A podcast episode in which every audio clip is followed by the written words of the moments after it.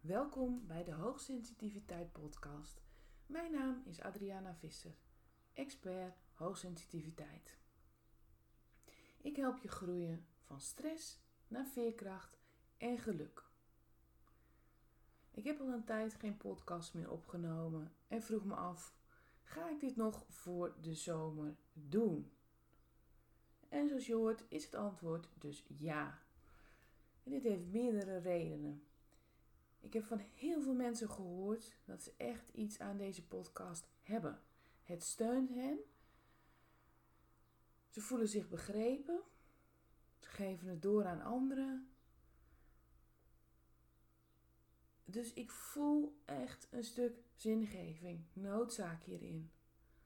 En een tijd geleden zag ik ook al dat meer dan 5000 mensen de podcast beluisterd hebben. Ik vind het echt ongelooflijk.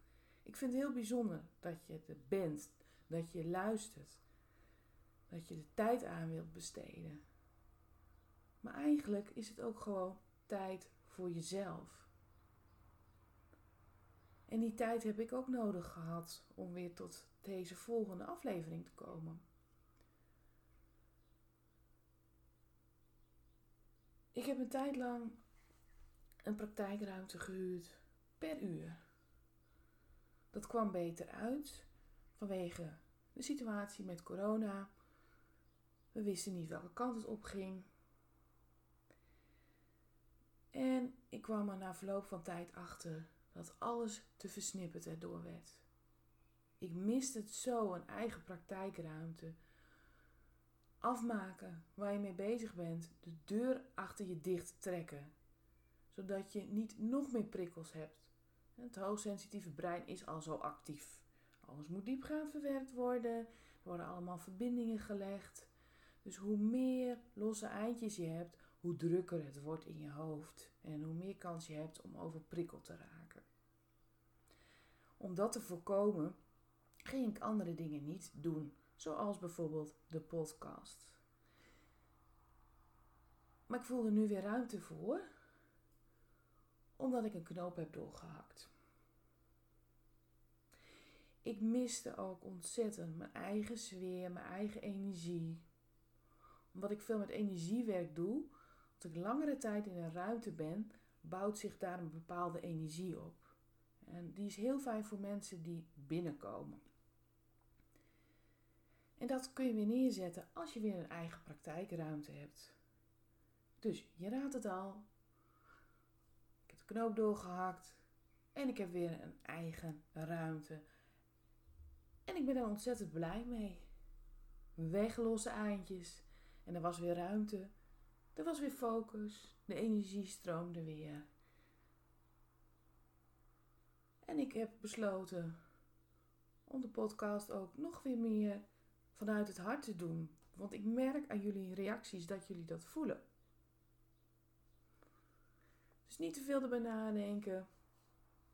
Wel informatie geven waar je wat aan hebt. Maar de vorm wordt iets minder belangrijk. En daardoor kan ik vaker zaken met je delen. Dus eigenlijk geef ik je daarmee al een tip. Kijk goed of je niet te veel losse eindjes hebt. En of privé en werk niet te veel versnipperd zijn. Want we zijn nog steeds niet terug in de oude situatie. Ook al mogen we steeds meer. Maar het is wel een uitdaging voor veel mensen nog. hoe houd je je privéleven nog een beetje privé? Het is niet raar dat je dat tegenaan loopt. Dat geldt voor iedereen. Maar voor jou als HSP extra. Wees je daar bewust van. Waar je ook bewust van mag zijn, is dat er dus weer meer mag. En de een zal zeggen: Oh, nog meer prikkels? Ik vond het eigenlijk wel lekker zo, lekker rustig. Hè, meer wat introverte HSP als je die bent, die denkt: Ik vond het eigenlijk wel lekker, ik vind het wel prima zo. Misschien wel een klein beetje nauw, ik zou toch wel wat meer willen. Wat wel ook een beetje saai, maar nou, het hoeft voor mij niet weer zoals vroeger. En de andere HSP, die meer een sensatiezieker is, die zal ondertussen zoiets gehad hebben van, nou, ik word nu wel heel erg chagrijnig hiervan. Ik heb het wel gezien, ik ben nu wel uitgerust en ik heb weer prikkels nodig en ik moet weer dingen doen. Want ik word er chagrijnig van. Haast een beetje depressief ook. Voel niet prettig. Of misschien ben je zelfs wel extra ver. Want dat kan ook, hè. Je kunt ook hoogsensitief zijn en extra ver. En dat je denkt, ja, maar ik wil met allemaal mensen dingen doen en dingen delen. En ik word er helemaal gek van. Dus ik ben hartstikke blij dat we dat weer kunnen. En toch zit daar bij alle drie een punt waarin je die balans moet opzoeken. En dat is nu, op dit moment, in de tijd belangrijk. Als je deze podcast later luistert, is dat nog steeds belangrijk. Wat heb je nodig voor die balans?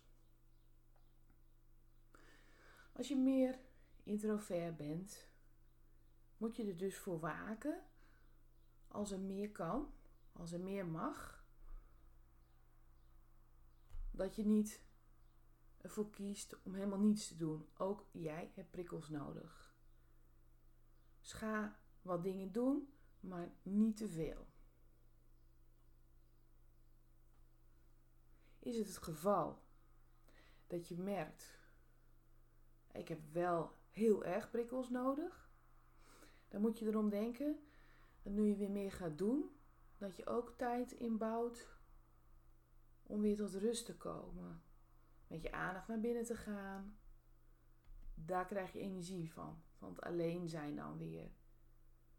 Dus beide. Schiet niet door in het een. Schiet niet door in het andere. Logisch, dat is balans. Ben je nu meer extra ver, dan krijg je heel veel energie van mensen en dingen doen. Dat heb je ook echt nodig. Maar denk erom dat je ook daarna even rust pakt, alleen bent. Alle drie de gevallen ligt er iets op de loer. Onderprikkeling, overprikkeling is altijd zo. Maar de situatie is nu even weer anders. Het is allemaal wennen. Dus in zijn algemeenheid wil ik je meegeven: blijf je bewust van wie je bent en wat je nodig hebt. Dat is niet plotseling veranderd. Dat weet je ook wel. Maar wees er alert op. Houd je aandacht erbij. Blijf voelen wat is goed voor mij. Word daar steeds beter in. Word daar bewuster van. Ga regelmatig met de aandacht naar jezelf en voelen wat heb ik nu nodig. Moet ik toch wat mensen opzoeken, wat dingen doen? Of heb ik het nodig om met de aandacht naar binnen te keren, alleen te zijn? Even die rust te pakken. Want welk type jij ook bent, je hebt tijd nodig. Je krijgt nu weer meer prikkels. Die moet je allemaal weer diepgaand verwerken. Dat kost tijd, dat kost energie. En als je dat een plek, pardon, een plek hebt gegeven, dan kun je daarna ook weer het loslaten. Want loslaten houdt puur in, oké, ik geef het een plek en niet ik stop het maar weg. Nee, ik geef het een plek. Dan kan ik het loslaten. En daarna kan ik ontspannen want ik heb het een plek gegeven. En daarna mag ik weer opladen. Dan ga ik dan weer kijken vanuit mijzelf wat ik daarna wil. En niet die buitenwereld die ineens weer veel groter wordt. Die van alles wil. Mensen die van alles van je willen. Misschien werk wat van alles wat je wil. School. Kinderen. Maar meer nu, oké, ik mocht in de afgelopen periode meer met de aandacht naar binnen. Ik was me bewuster van mezelf. Als ik dat nu eens meeneem en daar een gewoonte van maak. Als ik nu eens voortaan ga voelen, van binnenuit, wat wil ik? Wat heb ik nodig?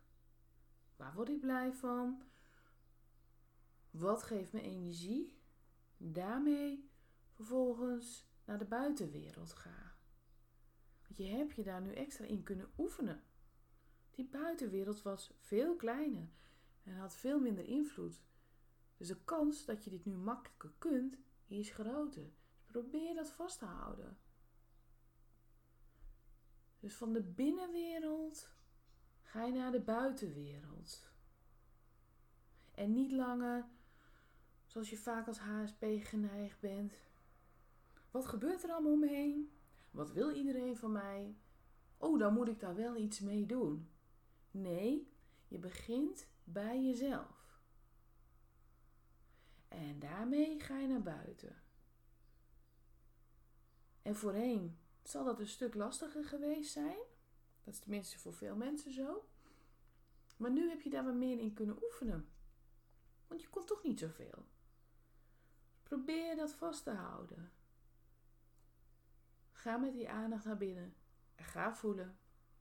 Wat heb ik nodig? Wat is goed voor mij?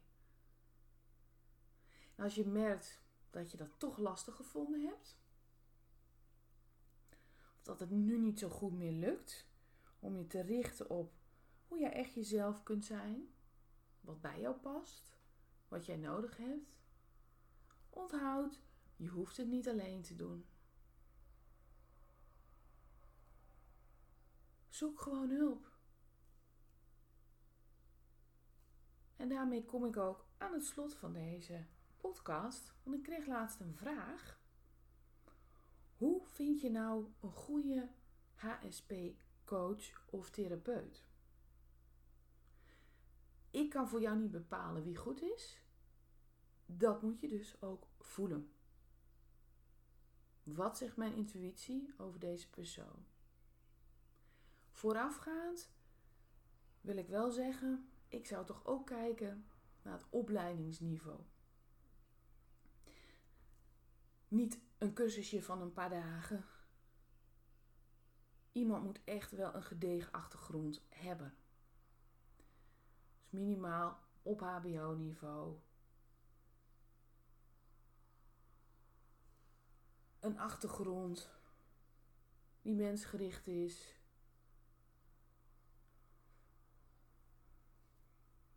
Psychosociale basiskennis. Dus dat in die richting. Dan denk je toch echt al in meerjarige HBO-opleidingen of HBO-opleidingen. Dat het op dat niveau zit. Omdat het een complementaire opleiding is geweest. Want als je vastloopt met je hoogsensitiviteit, dan is er vaak meer aan de hand. Je hoogsensitiviteit op zich hoeft geen probleem te vormen. Ik weet dat onze maatschappij het ons moeilijk gaat maken. Want daar is de ruimte nog niet zo voor. En daar kun je last van hebben. Maar als je echt flink vastloopt, dat heb ik al eerder gezegd, dan heb je hulp nodig. Als je er niet alleen uitkomt, maar loopt te worstelen, dan heb je hulp nodig. Maar ik zie ook altijd in al die jaren dat er dan meer speelt, dat er dan meer aan de hand is.